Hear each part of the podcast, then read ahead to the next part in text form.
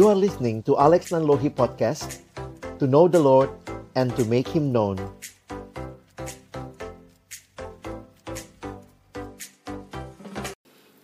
Bapa di dalam surga, kami datang dalam ucapan syukur malam hari ini. Terima kasih untuk kesempatan ibadah yang Tuhan berikan kepada kami. Sama-sama kami bersyukur karena di tengah-tengah situasi yang memang tidak mudah ini, Tuhan memberikan persekutuan alumni bagi kami untuk sama-sama kami tetap bertumbuh, dibangun dalam iman kami kepada Tuhan dan juga kasih kepada sesama. Kami bersyukur sekali lagi buat kesempatan ini dan sungguh menyerahkan ketika sama-sama kami akan membuka firman-Mu ya Tuhan malam hari ini. Kami mohon bukalah juga hati kami. Jadikanlah hati kami seperti tanah yang baik, supaya ketika benih firman-Mu ditaburkan, itu boleh sungguh-sungguh berakar, bertumbuh, dan juga berbuah nyata di dalam hidup kami. Berkati baik hambamu yang menyampaikan, semua kami yang mendengar, Tuhan tolonglah kami semua, agar kami bukan hanya jadi pendengar-pendengar firman yang setia, tapi mampukan dengan kuasa pertolongan dari rohmu yang kudus, kami dimampukan menjadi pelaku-pelaku firman-Mu di dalam kehidupan kami. Bersabdalah ya Tuhan, kami umat-Mu sedia mendengarnya. Di dalam satu nama yang kudus, nama yang berkuasa, nama Tuhan kami Yesus Kristus, kami menyerahkan pemberitaan firman-Mu. Amin. Shalom, selamat malam teman-teman, abang kakak yang saya kasih dalam Tuhan Yesus Kristus. Senang malam hari ini boleh ini ya berzoom pak ya karena kita lewat zoom.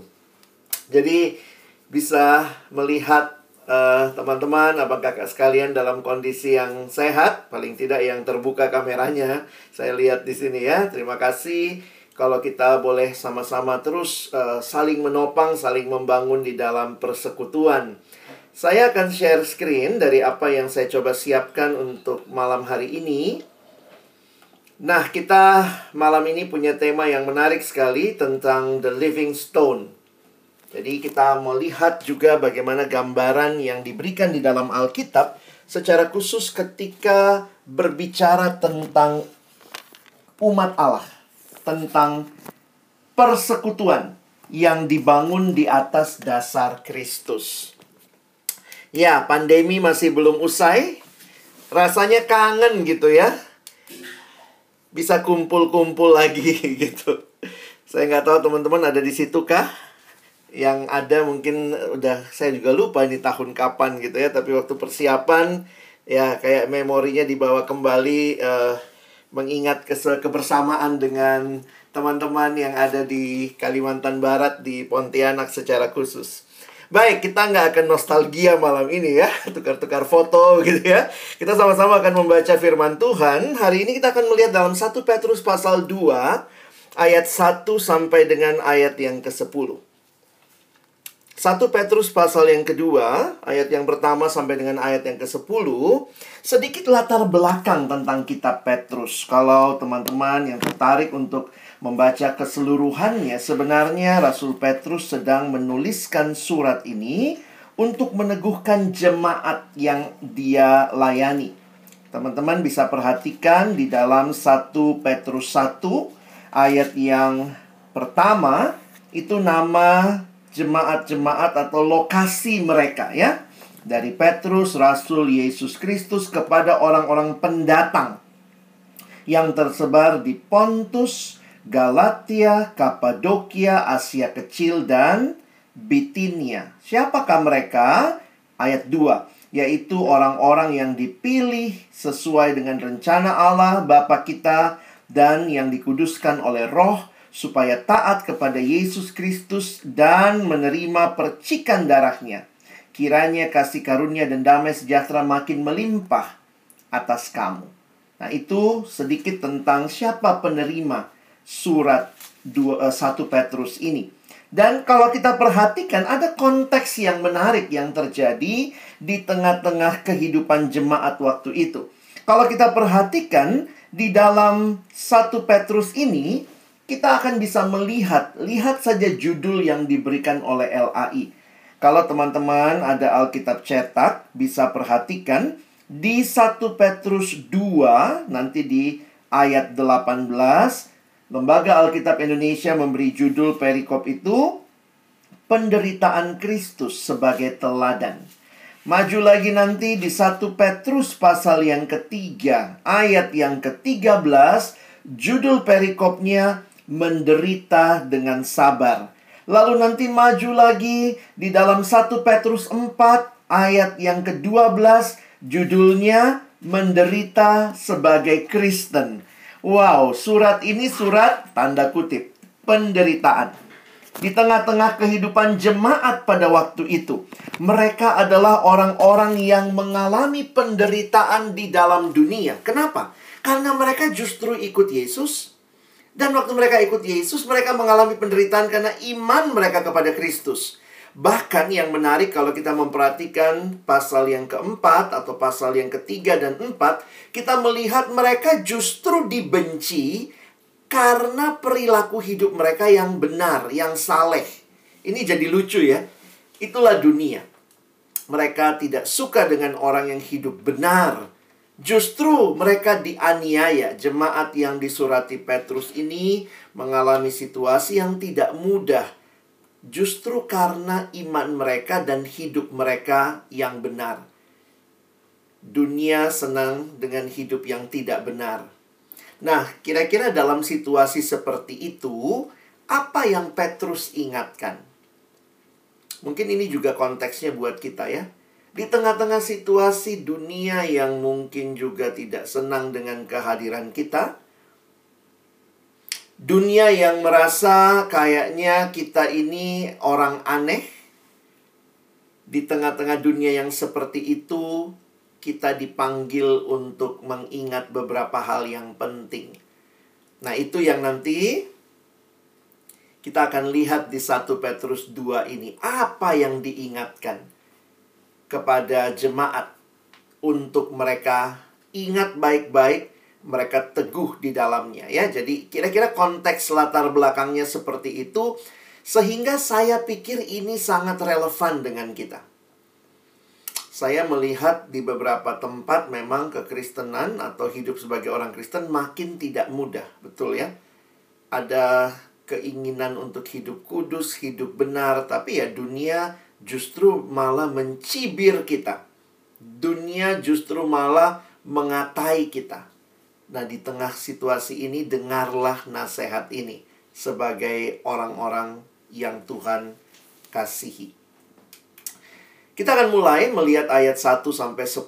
Saya sudah tuliskan semua ayatnya di layar. Jadi kalau teman-teman mau mengikuti uh, dari layar juga bisa. Kalau punya Alkitab cetak silahkan dibuka. Karena itu, wah ini kalau baca karena itu langsung harus dikaitkan karena sebelumnya ya. Jadi ini konteks bacaan. Karena itu, buanglah segala kejahatan, segala tipu muslihat, dan segala macam kemunafikan, kedengkian, dan fitnah. Dan jadilah sama seperti bayi yang baru lahir, yang selalu ingin akan air susu yang murni dan yang rohani. Supaya olehnya kamu bertumbuh dan beroleh keselamatan.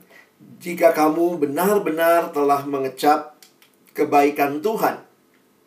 Dan datanglah kepadanya batu yang hidup itu yang memang dibuang oleh manusia tetapi yang dipilih dan dihormat di hadirat Allah. Dan biarlah kamu juga dipergunakan sebagai batu hidup untuk pembangunan suatu rumah rohani bagi suatu imamat kudus yang mempersembahkan persembahan rohani yang karena Yesus Kristus berkenan kepada Allah. Sebab ada tertulis dalam kitab suci. Sesungguhnya aku meletakkan di Sion sebuah batu yang terpilih, sebuah batu penjuru yang mahal, dan siapa yang percaya kepadanya tidak akan dipermalukan. Karena itu, bagi kamu yang percaya, ia mahal. Tetapi bagi mereka yang tidak percaya, batu yang telah dibuang oleh tukang-tukang bangunan telah menjadi batu penjuru juga telah menjadi batu sentuhan dan suatu batu sandungan.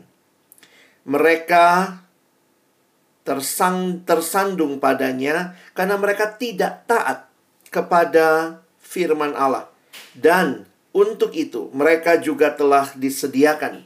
Tetapi kamulah bangsa yang terpilih, imamat yang rajani, bangsa yang kudus, umat kepunyaan Allah sendiri supaya kamu memberitakan perbuatan-perbuatan yang besar dari Dia yang telah memanggil kamu keluar dari kegelapan kepada terangnya yang ajaib. Kamu yang dahulu bukan umat Allah, tetapi yang sekarang telah menjadi umatnya, yang dahulu tidak dikasihani, tetapi yang sekarang telah beroleh belas kasihan. Kalau kita kembali mengingat bahwa surat ini diberikan kepada konteks jemaat yang mengalami pergumulan iman. Kadang-kadang dalam situasi seperti itu mungkin ada yang merasa malu jadi orang Kristen. Ada yang mungkin merasa mundur dari iman mereka. Atau ada juga yang mau hidup aman. Ya nggak usah terlalu Kristen-Kristen banget lah. Kalau terlalu Kristen nanti nggak ada orang yang mungkin suka dengan kita sehingga mungkin juga ada jemaat yang kompromi. Nah, tetapi perhatikan bagian ini secara khusus mengingatkan jemaat. Apa yang diingatkan? Kalau kita lihat tadi mulai dengan kata karena itu. Jadi sebenarnya kalau eh, teman-teman mempelajari pasal 1, di dalam pasal 1 Petrus justru bersyukur kepada Allah. Dia memuji Allah. Perhatikan nanti 1 Petrus 1 ayat 3. Dia katakan terpujilah Allah. Bapa dan Tuhan kita dan seterusnya. Karena keselamatan yang diberikan Allah. Keselamatan dalam kekristenan berbeda dengan seluruh kepercayaan yang lain. Keselamatan dalam kekristenan adalah percaya pada apa yang Yesus telah lakukan bagi kita. Keselamatan kita kan bukan apa yang kita lakukan supaya selamat, tetapi apa yang Kristus lakukan bagi kita. Dan kita diminta percaya bahwa yang Kristus lakukan bagi kita itu menyelamatkan kita.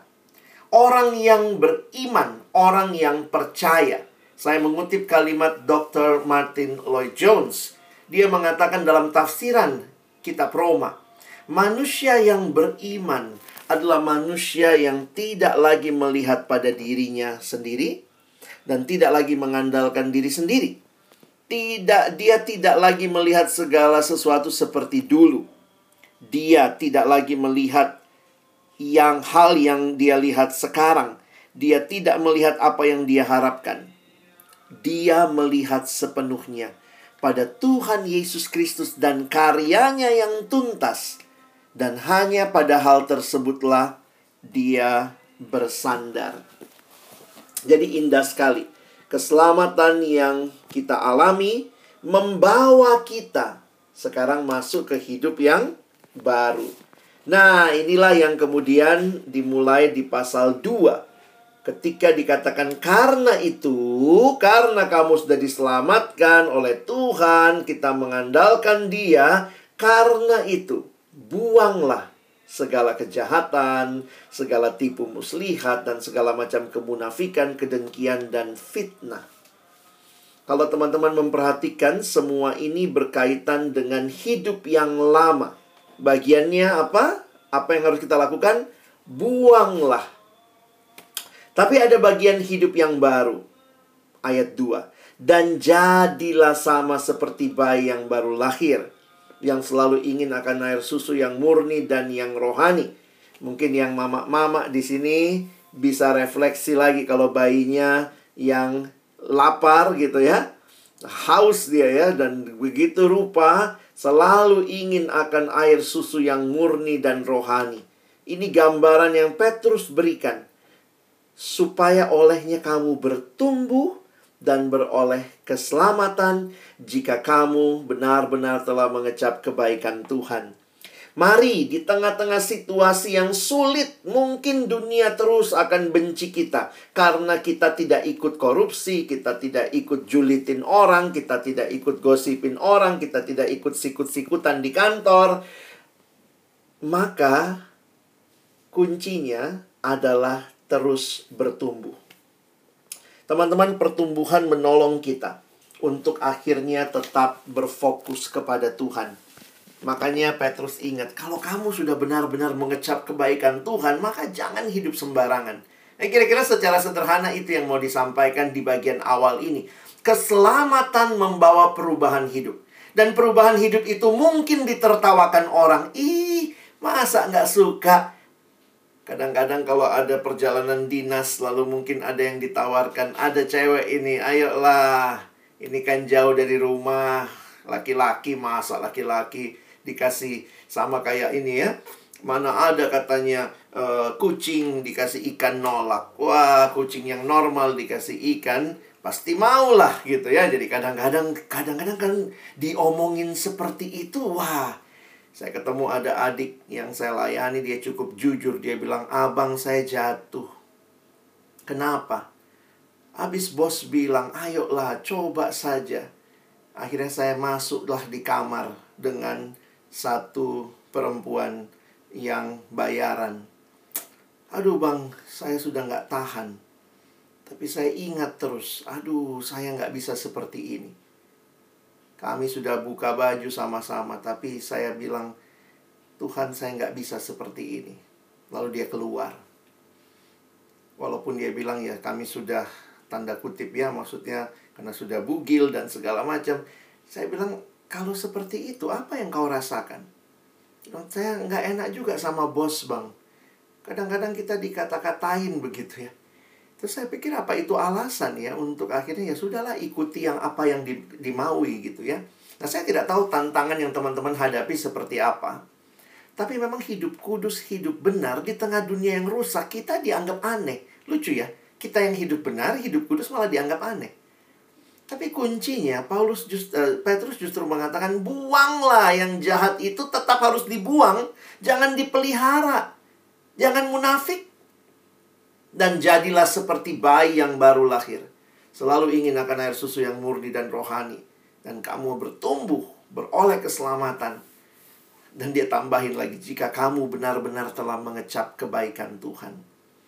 Teman-teman alumni, perjuangan hidup jadi alumni tidak mudah.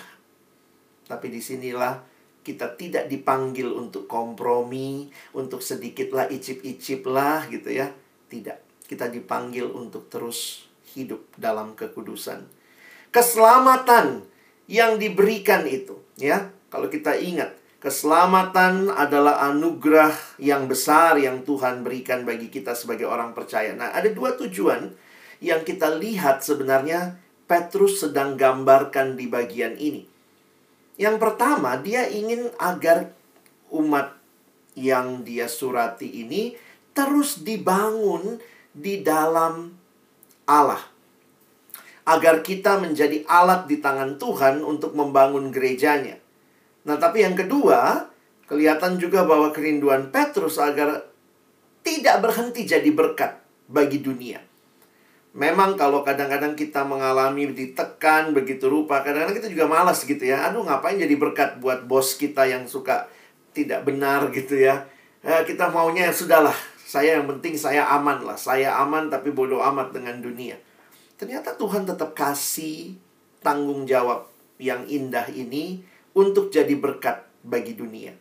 Kedua tugas ini berjalan bersama-sama. Seharusnya dalam diri setiap anak Tuhan. Nah, untuk menggambarkan dua hal ini, Petrus menggunakan dua ilustrasi ya. Coba kita lihat sama-sama. Ilustrasi yang pertama yang Petrus gunakan adalah ilustrasi batu hidup.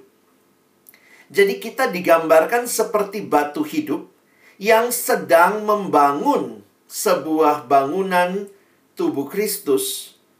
Dan ini yang kalau teman-teman perhatikan sebenarnya ini bahasa yang dipinjam dari perjanjian lama dalam kaitan pembangunan bait Allah. Nah, jadi kalau kita perhatikan Lihat di ayat yang kelima ini. Dan biarlah kamu di, juga dipergunakan sebagai batu hidup. Ya, biarlah kamu juga dipergunakan sebagai batu hidup untuk pembangunan suatu rumah rohani. bagi suatu imamat kudus untuk mempersembahkan persembahan rohani yang karena Yesus Kristus berkenan kepada Allah. Jadi, perhatikan di bagian ini sebenarnya kalau lihat aslinya itu bicara dipergunakan sebagai batu-batu hidup ya karena kita disebut we are living stones. Jadi itu bukan singular tapi plural ya. You are like living stones are being built up into a spiritual house, sedang membangun rumah rohani. Tetapi yang menarik perhatikan ayat 4. Maaf, saya belum tulis ya, tapi ayat 4 kalau teman-teman perhatikan, Bagaimana supaya kita bisa jadi batu-batu hidup itu? Ayat 4, datanglah kepadanya. Batu yang hidup itu. Ini living stone. Ini singular. Jesus is the living stone. And we are living stones. Jadi ternyata untuk bisa efektif jadi batu-batu hidup, kita harus terus datang kepada sang batu hidup itu yang memang dibuang oleh manusia tetapi yang dipilih dan dihormati Allah. Jadi teman-teman yang dikasihi Tuhan sebagaimana Kristus ya sudah menjadi batu penjuru bagi bangunan rumah rohani. Maka demikian juga setiap anak Tuhan harus jadi batu hidup untuk pembangunan rumah rohani itu. Jadi Kristus jadi dasarnya yang akan mengikat seluruh anak-anak Tuhan. Kalau teman-teman perhatikan, kutipan-kutipan yang muncul dari ayat 6, ayat 7, ayat 8, ini semua kutipan perjanjian lama. Ini yang membuat kita menyadari dalam menafsir kemungkinan besar jemaat yang disurati Petrus ini adalah orang Yahudi yang jadi Kristen. Jadi mereka memang sudah begitu menguasai perjanjian lama. Dan kemudian Petrus menunjukkan mereka kepada siapa? Kepada Yesus. Jadi kalau kita perhatikan ayat 6 misalnya ya. Ayat 6 diingatkan sebab ada tertulis sesungguhnya aku meletakkan. Ini semua tentang Yesus. Bahwa Yesuslah batu itu, batu penjuru yang mahal. Ini dikutip dari Yesaya. Bisa lihat ayatnya di sebelah kanannya. Jadi mau diingatkan bahwa apa yang kamu sekarang sedang diminta perjuangkan, ayolah jadi batu hidup. Sebenarnya Yesus sendiri telah melaluinya, dan Yesus telah menjadi batu penjuru itu. Ya, jadi kalau teman-teman perhatikan, uh, menarik ya. Kutipan-kutipannya menunjuknya kepada Yesus, the living stone. Untuk engkau dan saya bisa hidup sebagai living stones, batu-batu hidup, kita perlu lihat sang batu hidup. Jadi kayak Petrus bilangnya gini ya, kira-kira kalau Petrus jadi pembicara malam ini di alumni, teman-teman mau jadi living stones, lihatlah the living stone Yesus itu. Kenal Yesus baik-baik, maka kamu tahu sebenarnya seperti apa kamu harusnya meresponi. Ayat 7. Nah, teman-teman bisa lihat lagi ini kutipan juga ya. Ayat 7 batu yang telah dibuang oleh tukang-tukang bangunan. Ini siapa sebenarnya? Ini kan tentang Yesus dari dari Mazmur 118 ayat yang kedua. Seolah-olah mau mengatakan Yesus aja digituin gitu ya. Yesus aja di apa batu yang dibuang oleh tukang bangunan gitu, tapi telah menjadi batu penjuru karena sebenarnya Allah yang melakukannya. Ini mau menunjukkan bahwa ya kita yang percaya kepada Yesus juga tidak jauh-jauh lah dari apa yang Yesus alami. Ayat 8 juga kutipan lagi gitu ya. Mereka tersandung padanya karena mereka tidak taat kepada firman Allah dan tidak dan untuk itu mereka juga telah disediakan. Ini dikutip dari teman-teman bisa lihat dalam Yesaya 8 ayat 14. Nah, sedikit kita coba simpulkan ya. Siapa Yesus? Apa yang dia alami? Kenapa dia bisa jadi batu penjuru dan bagaimana Yesus ini menginspirasi kita karena kita mesti datang kepadanya untuk kita bisa hidup sebagai batu-batu penjuru. Saya mengutip di dalam terjemahan bahasa Indonesia sehari-hari ya, BIS untuk ayat 7 dan ayat 8 ya, karena banyak kutipan PL-nya tadi di situ. Ya, kita baca sama-sama. Batu itu sangat berharga untuk kalian yang percaya. Ini Yesus ya. Tetapi bagi orang-orang yang tidak percaya, berlakulah ayat-ayat Alkitab berikut. Batu yang tidak terpakai oleh tukang-tukang bangunan itu telah menjadi batu yang terutama. Dan itulah batu yang membuat orang tersandung. Batu yang membuat mereka jatuh. Mereka tersandung sebab mereka tidak percaya akan perkataan Allah. Begitulah sudah ditentukan Allah mengenai mereka. Tapi kamu kan beda. Kamu adalah living stones. Kita adalah batu-batu hidup yang perlu terus datang kenal sang batu itu, yaitu batu yang hidup. Jadi di sini diingatkan kepada kita tentang identitas sebenarnya. Bahwa kita adalah batu-batu hidup yang harus senantiasa bergantung kepada sang batu hidup itu. Nah, ilustrasi yang kedua adalah ilustrasi yang diberikan berkaitan dengan bangsa yang kudus. Jadi, gereja Tuhan, umat Allah bukan hanya batu hidup, tetapi gambaran yang diberikan adalah ilustrasi tentang bangsa yang kudus. Apa yang menarik dari ilustrasi ini? Teman-teman kalau memperhatikan bangsa yang kudus sebenarnya yang dimaksud dalam ayat-ayat yang dikutip itu Israel. Ya. Coba lihat.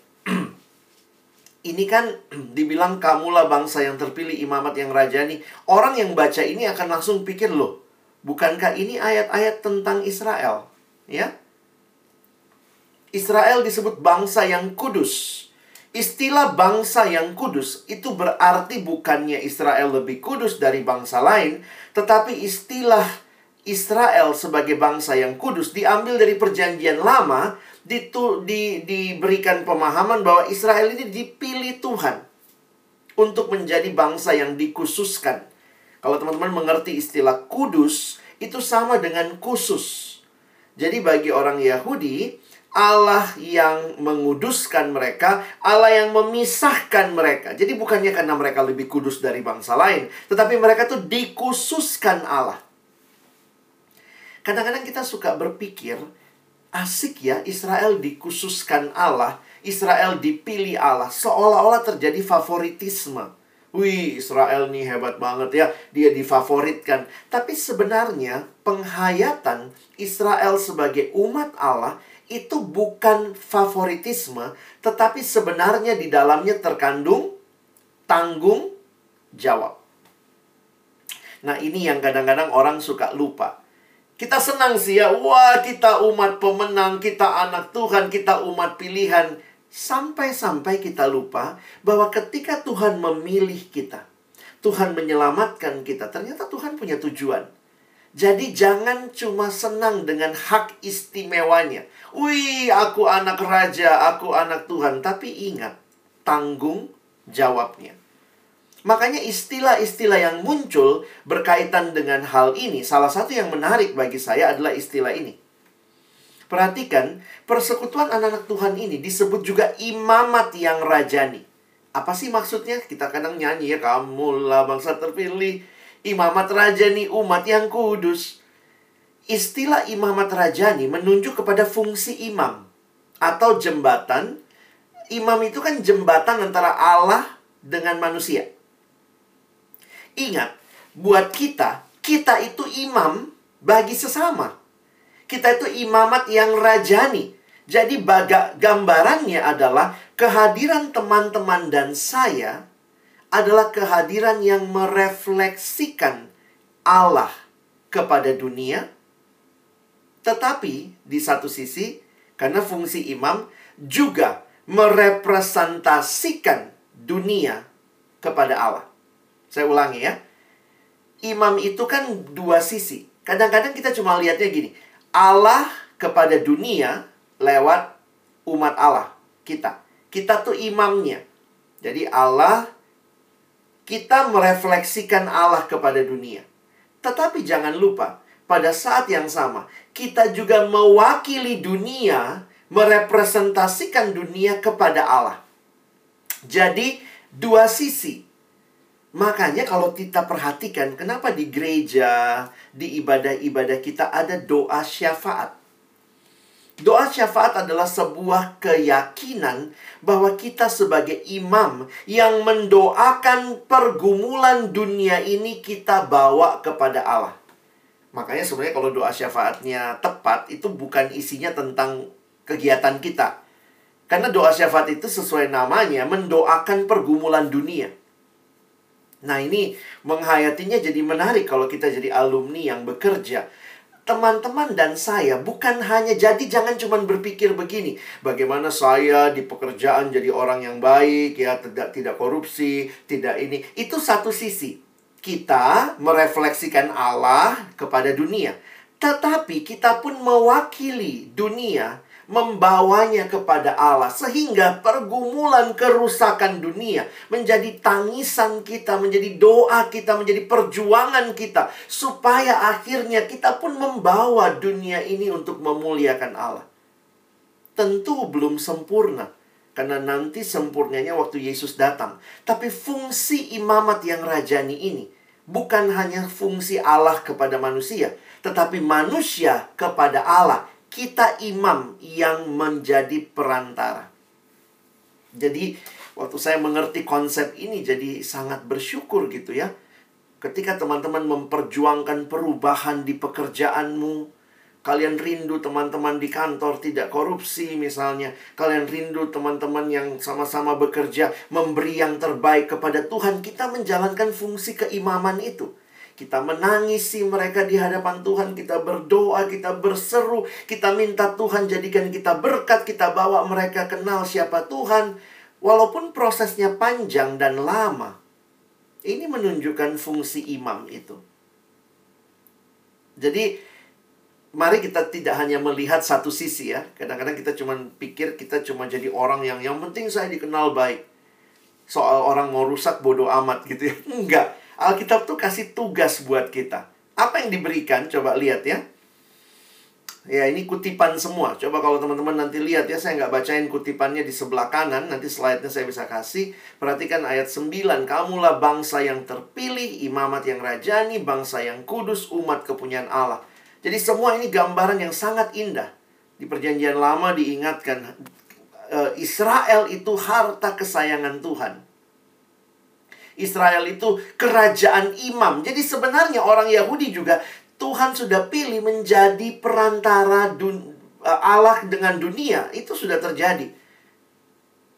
As God met with his rescued people at Sinai on the way from Egypt to the promised land. Jadi Tuhan sudah memulai dengan misi penyelamatan itu.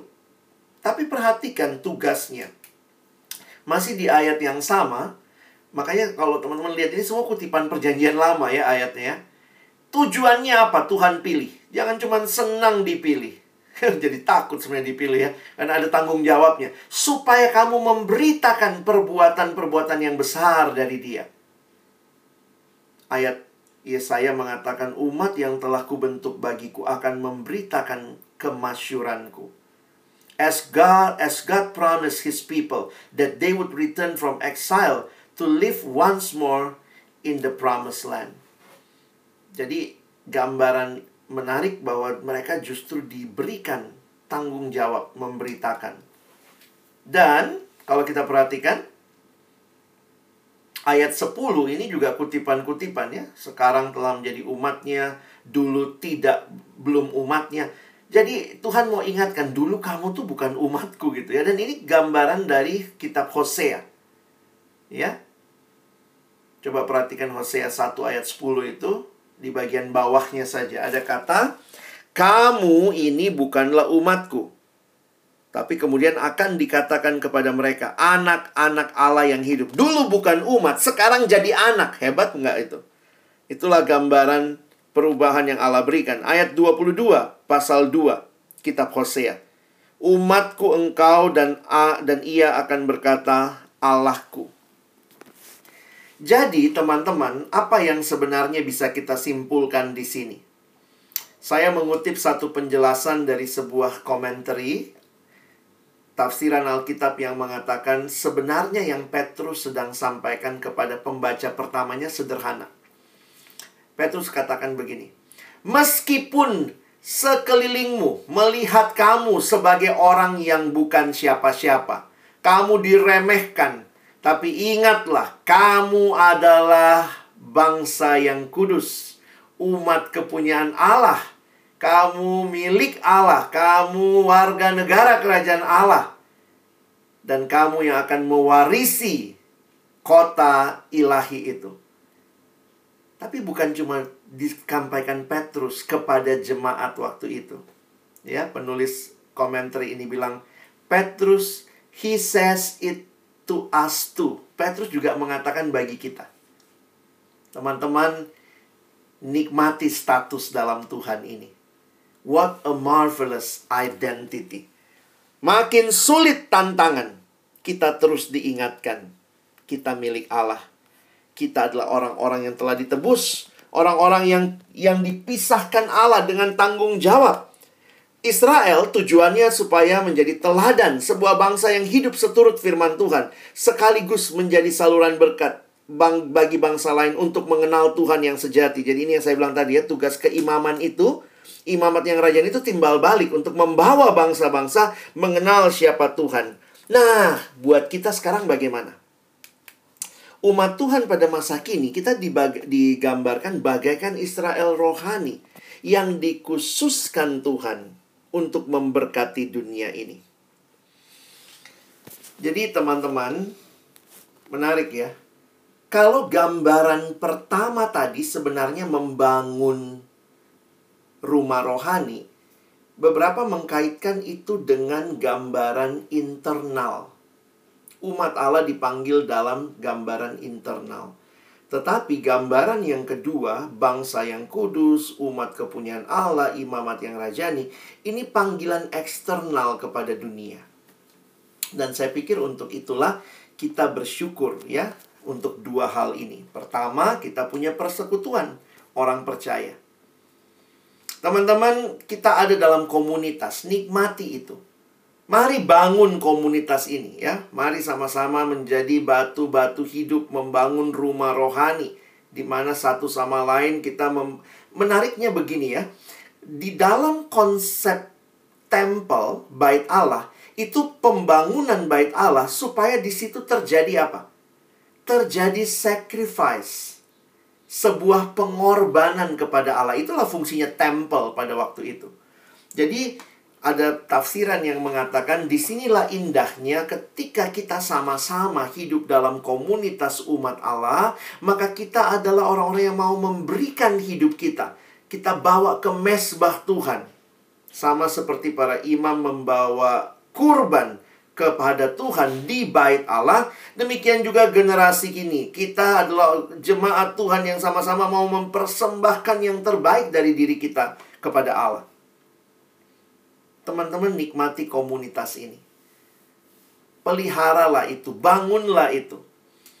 Kita adalah sebuah komunitas, kata Eugene Peterson ya, seorang teolog uh, almarhum dia mengatakan kita adalah sebuah komunitas. Kita tidak pernah hidup sendiri dan bagi diri sendiri. Kita dilahirkan di dalam komunitas, kita tinggal dalam komunitas, kita meninggal dalam komunitas. Natur manusia bukanlah hidup menyendiri. Makanya mari bangun juga ya, mari bangun dulu. Mungkin kalau saya pakai istilah itu ya, bangun dulu gitu ya rumah rohani kita dalam arti ya persekutuan kita. Gereja kita, ya PAK ini, ini bagian kita untuk membangun as a living stones, kita sama-sama membangun. Karena gambarannya itu gambaran ke dalam ya. Kita membangun sama-sama. Saya ingat kalimat Timothy Keller, dia bilang begini ya. Saya baru sadar waktu merenungkan kalimatnya, dia mau mengatakan peran komunitas Kristen itu sangat penting. Pertama, dia bilang, kita tidak dapat memenangkan dunia. Kita tidak dapat mengenal Allah yang pertama ya, sorry. Kita tidak dapat mengenal Allah terpisah dari komunitas. Karena kita ditempatkan Tuhan akan kenal Tuhan justru di dalam komunitas. Yang kedua, kita tidak dapat mengalami perubahan yang mendalam terlepas atau terpisah dari komunitas. Dan yang ketiga, kita tidak dapat memenangkan dunia ini terlepas dari komunitas. Jadi diingatkan kepada kita betapa pentingnya komunitas. Saya baru sadar gitu ya, uh, ya maksudnya dari dulu sebenarnya sadar, cuman kayak baru ngeh gitu ya. Kadang-kadang kita berpikir kita adalah Superman rohani, Superwoman rohani, yang seolah-olah bisa sendiri. Ternyata nggak seperti itu. Makanya kita harus membangun persekutuan kita. Kita tidak dapat mengalami perubahan yang mendalam terpisah dari komunitas. Kita bahkan tidak bisa memenangkan dunia terlepas dari komunitas. Nah, sekarang coba kita pikirkan ada uh, beberapa refleksi saya aplikasi sebagai penutup buat kita. Bagaimana ya teman-teman dan saya membangun komunitas yang Tuhan berikan buat kita? Ibrani 10 sebenarnya memberikan satu gambaran yang indah untuk kita pikirkan ya. Ibrani 10, 24, 25 ini kan bicara tentang persekutuan atau ibadah. Makanya dikatakan begini, dan marilah kita saling memperhatikan supaya kita saling mendorong dalam kasih dan dalam pekerjaan baik. Janganlah kita menjauhkan diri dari pertemuan-pertemuan ibadah kita. Seperti dibiasakan oleh beberapa orang. Oh, ternyata dari dulu ada yang males datang persekutuan ya. Sampai dikatakan, seperti dibiasakan oleh beberapa orang. Tetapi marilah kita saling menasehati dan semakin giat melakukannya menjelang hari Tuhan yang mendekat. Teman-teman saya mau ajak kita perhatikan dua kata di sini. Ayat 24 ada kata memperhatikan Lalu yang kedua ada kata mendorong. Nah, saya coba gali ayat ini dan ternyata menarik sekali memperhatikan ayat ini. Marilah kita saling memperhatikan. Kata memperhatikan di dalam bahasa aslinya itu digunakan istilah uh, oh, sebentar ya, ini ada masalah sedikit sama koneksi laptop saya. Jadi kata memperhatikan kalau teman-teman lihat itu bukan hanya memperhatikan seperti melihat seperti biasa, tidak. Kata memperhatikan di dalam terjemahan literalnya itu dipakai kata yang menggambarkan sebuah proses berpikir. Jadi kalimatnya jadi begini ya. Makanya terjemahan NIV misalnya menggunakan kata consider. ESV juga pakai consider. Kalau NASB, terjemahan bahasa Inggris, menggunakan bahkan kata take thought. Jadi ini bukan cuma memperhatikan, tapi pikirin gitu kira-kira ya. Jadi teman-teman, kita tuh datang ke persekutuan, kita bukan cuman ya yang harusnya memikirkan persekutuan tuh bukan cuma pengurus. Karena waktu penulis Ibrani katakan, marilah kita itu mengkaitkan dengan semua kita. Lalu yang kedua, mendorong. Marilah kita mendorong. Kata mendorong ini juga menarik ya. Kalau lihat aslinya, ya. Ini dipakai istilah, nah saya senang dengan terjemahan ESV. ESV pakai istilah stir up. Apa sih stir up itu? Nah, contohnya begini, kalau ada teh, mau bikin teh manis, maka kan ada gula, kita masukkan ke dalam teh. Nah, biasanya kita stir up tuh. Nah, stir up itu kita uh, aduk. Tetapi aduk supaya apa? Supaya terjadi semakin cepat perubahan. Jadi kalau kita gabungkan dua kata ini, ayo saling memperhatikan dan kemudian saling mendorong. Jadi bukan cuma mendorong, tetapi memastikan kita stir up. Jadi harusnya persekutuan itu seperti itu ternyata teman-teman.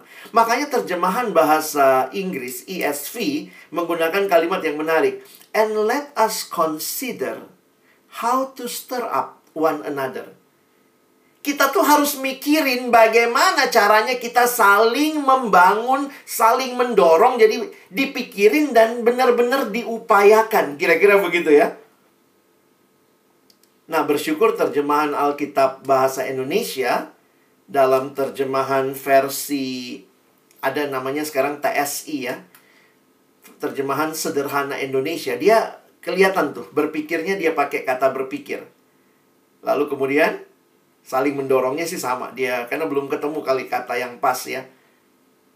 Jadi kalau kita baca Ayat ini mengatakan oleh karena itu marilah kita semua berpikir. Persekutuan itu yang pikirin itu bukan cuma pengurus. Hei teman-teman alumni, Bangun dirimu dalam persekutuan, pikirin sama-sama. Kita mesti mikirin ini mau mau gimana nih, ya? Ya mungkin caranya bisa beda ya karena tentu pengurus karena mereka yang pengurus mereka mikirin lebih banyak tetapi yang lain juga kita bukan datang sebagai penonton di persekutuan. Mari kita semua berpikir, mari kita semua saling mendorong bagaimana bisa terjadi hal-hal yang baik dan inilah yang Tuhan mau. Jadi membangun kadang-kadang membangun ke dalam ini jadi susah juga ya. Living stones ini ternyata bisa berantukan satu sama lain, bergesekan gitu ya. Jadi bagaimana gambaran persekutuan? Wah, Alkitab tuh kasih gambaran persekutuan tuh sangat ideal ya tentunya ya. Tapi saya waktu perhatikan di Alkitab ternyata banyak sekali kata saling. Ya, kalau teman-teman lihat ya, persekutuan itu banyaknya saling, bukan cuma satu arah, enggak, saling. Makanya kalau diingatkan ya bukan cuma pengurus yang harus mikirin ini. Marilah kita semua saling mendorong. Bahasa Inggrisnya pakai one another. Nah, nanti coba cek tuh di Alkitab banyak tuh one another, one anothering, one one anothering. Sebenarnya persekutuan itu harus kelihatan saling mengaku dosa, saling mendoakan, saling melayani, saling mengasihi. Kalau betul kita membangun rumah rohani, batu-batu hidup ini akan saling membangun satu sama lain kurang banyak. Nah, saya tambahin lagi ya. Silahkan di screenshot lalu PA-in semua. Inilah persekutuan. Persekutuan itu bukan one man show, bukan pengurus aja, tapi saling. Dan itu harus kita upayakan. Jadi nasihat Petrus sederhana. Di tengah-tengah situasi yang makin sulit, kamu harus jadi batu-batu hidup yang membangun rumah rohani. Maksudnya membangun persekutuan di dalam dulu, teman-teman. Jangan menjauhkan diri dari pertemuan ibadah. Tetapi marilah saling menasehati semakin giat melakukannya menjelang hari Tuhan yang mendekat. Nah, jadi sebenarnya ilustrasi pertama, Living Stones itu bicara pembangunan ke dalam. Tetapi istilah kedua adalah bangsa yang kudus. Di dalam Kristus kita bukan hanya punya identitas yang baru, tetapi kita eksis, kita hadir justru untuk membawa kemuliaan bagi Allah bukan bagi diri kita.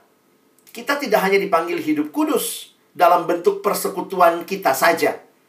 Tetapi kita dipanggil juga untuk membawa setiap orang yang belum percaya ketemu dengan Yesus. Nah, di sini yang kedua tadi ya. Bangsa yang kudus menunjukkan tanggung jawab alumni yang juga menjadi berkat. Menariknya, ayat ini kita tahu ya. Kamu adalah garam dunia, kamu adalah terang dunia. Teman-teman, saya juga baru sadar ya beberapa tahun yang lalu waktu gali ayat ini. Ayat ini nggak mengatakan saya terang dunia atau kamunya itu kamunya di sini plural teman-teman ya Kadang-kadang kita suka nggak terlalu menghayati Alkitab karena kita selalu berpikir ayatnya buat saya. Ayatnya buat saya. Kita tuh masuk dalam kekristenan individualistis. Ayatnya buat saya. Ini ayatnya buat kita. Doa Bapa kami juga bukan doa pribadi. Sebenarnya nggak pas doa Bapa kami di rumah sendiri ya. Bapak kami yang di surga ngomong sendiri itu lucu gitu ya doa Bapa kami itu doa bersama yang memohon kepada Bapa kami. Jadi ternyata kita bukan hanya di dalam bersekutu, kita keluar pun kepada dunia. Sebenarnya kita dipanggil sebagai komunitas. Kamu bukan sendiri, kamu. Kamu terang dunia, bukan sendiri, kamu. Dan kita harus sadar ya, kita bukan sumber terang, hanya Yesus yang sumber terang yang sejati. Mau bersinar di dunia ini? Miliki relasi yang hidup dengan Yesus untuk engkau dan saya bisa hidup sebagai anak-anak terang. Kalau teman-teman sedang studi, maka dalam studimu engkau berkarya dan bersinar di sana. Kalau engkau bekerja, engkau juga berkarya, bersinar di sana. Pergaulan kita juga memuliakan Tuhan. Kalau sedang pacaran, Kiranya pacaran kita juga memuliakan Tuhan.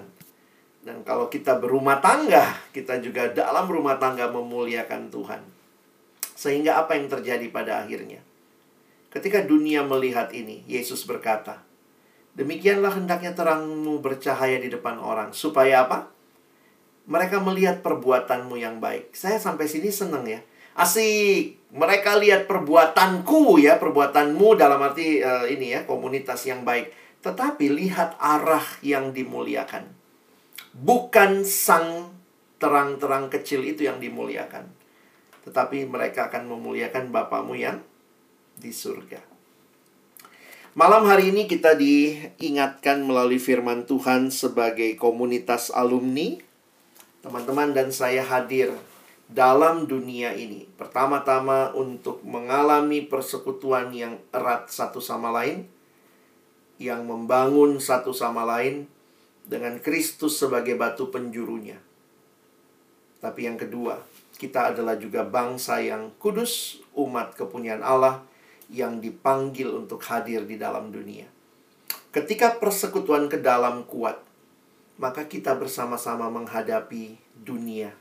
Tetapi kalau kita sendiri tidak menikmati persekutuan ke dalam, saya juga agak takut ya, hadirnya di dunia juga kita nggak punya kekuatan bagaimana KTB-KTB kita masih berjuangkah para alumni? Bersyukur ada persetujuan alumni seperti ini, tapi saya juga harus katakan persetujuan alumni seperti ini terbatas. Kita nggak bisa saling sharing, terlalu banyak orang mau pulang besok pagi. Tapi Tuhan hadirkan KTB-KTB alumni, itulah living living stones yang selalu harus datang kepada living stone supaya tugasnya sebagai bangsa yang kudus akan terjadi dengan baik. Kiranya Tuhan menolong teman-teman bukan hanya memahami firman malam ini, tapi kita berjuang sama-sama menghidupinya. Dunia makin tidak mudah, mungkin juga penderitaan akan terus ada. Kekuatannya apa? Yesus sendiri. Kalau kita berserah kepadanya, kita bangun diri kita, kita bangun komunitas kita, kita bahkan hadir dalam dunia yang membenci kita untuk memberkati dunia ini. Kiranya Tuhan menolong kita jadi pelaku-pelaku firman. Amin. Mari berdoa. Kami bersyukur hari ini firman-Mu jelas bagi kami apa yang sedang Tuhan ingatkan. Bukan hanya kepada jemaat di abad pertama yang disurati Petrus, tapi juga bagi kami jemaat modern abad 21 ini. Di mana penderitaan kesulitan, tantangan karena mengikuti Yesus begitu real. Biarlah kami membangun identitas kami di dalam Kristus. Kami menjadi batu-batu hidup yang membangun rumah rohani, persekutuan anak-anak Tuhan. Tapi juga kami ingat tugas kami untuk hadir di dalam dunia ini. Membawa berkat Tuhan menjadi imamat yang rajani. Kami mohon kalau ada sikap-sikap kami yang mungkin juga tidak memperjuangkan persekutuan. Kami kadang-kadang malas, kami kadang-kadang tidak memperjuangkan KTB, kami mungkin juga merasa malas, tapi hari ini kami diingatkan untuk benar-benar membangun diri, membangun persekutuan, dan menjadi berkat dalam dunia. Itulah cara yang Tuhan inginkan bagi kami bertahan di dalam dunia yang semakin jahat ini kami hadir terus menjadi berkat bahkan bagi dunia ini. Berkati alumni-alumni di berbagai tempat, kadang-kadang ada yang sendiri, terpencil di daerah yang sulit. Tapi kiranya dengan teknologi dan juga situasi saat ini yang begitu memungkinkan kami untuk bersekutu, kami tidak menjauhkan diri dari pertemuan-pertemuan ibadah. Terima kasih buat pengurus yang juga Tuhan pakai memikirkan persekutuan ini tapi kiranya kami juga sama-sama berpikir untuk membangun persekutuan, membangun satu sama lain. Kami bersyukur untuk firman-Mu. Dalam nama Yesus kami sudah berdoa. Amin.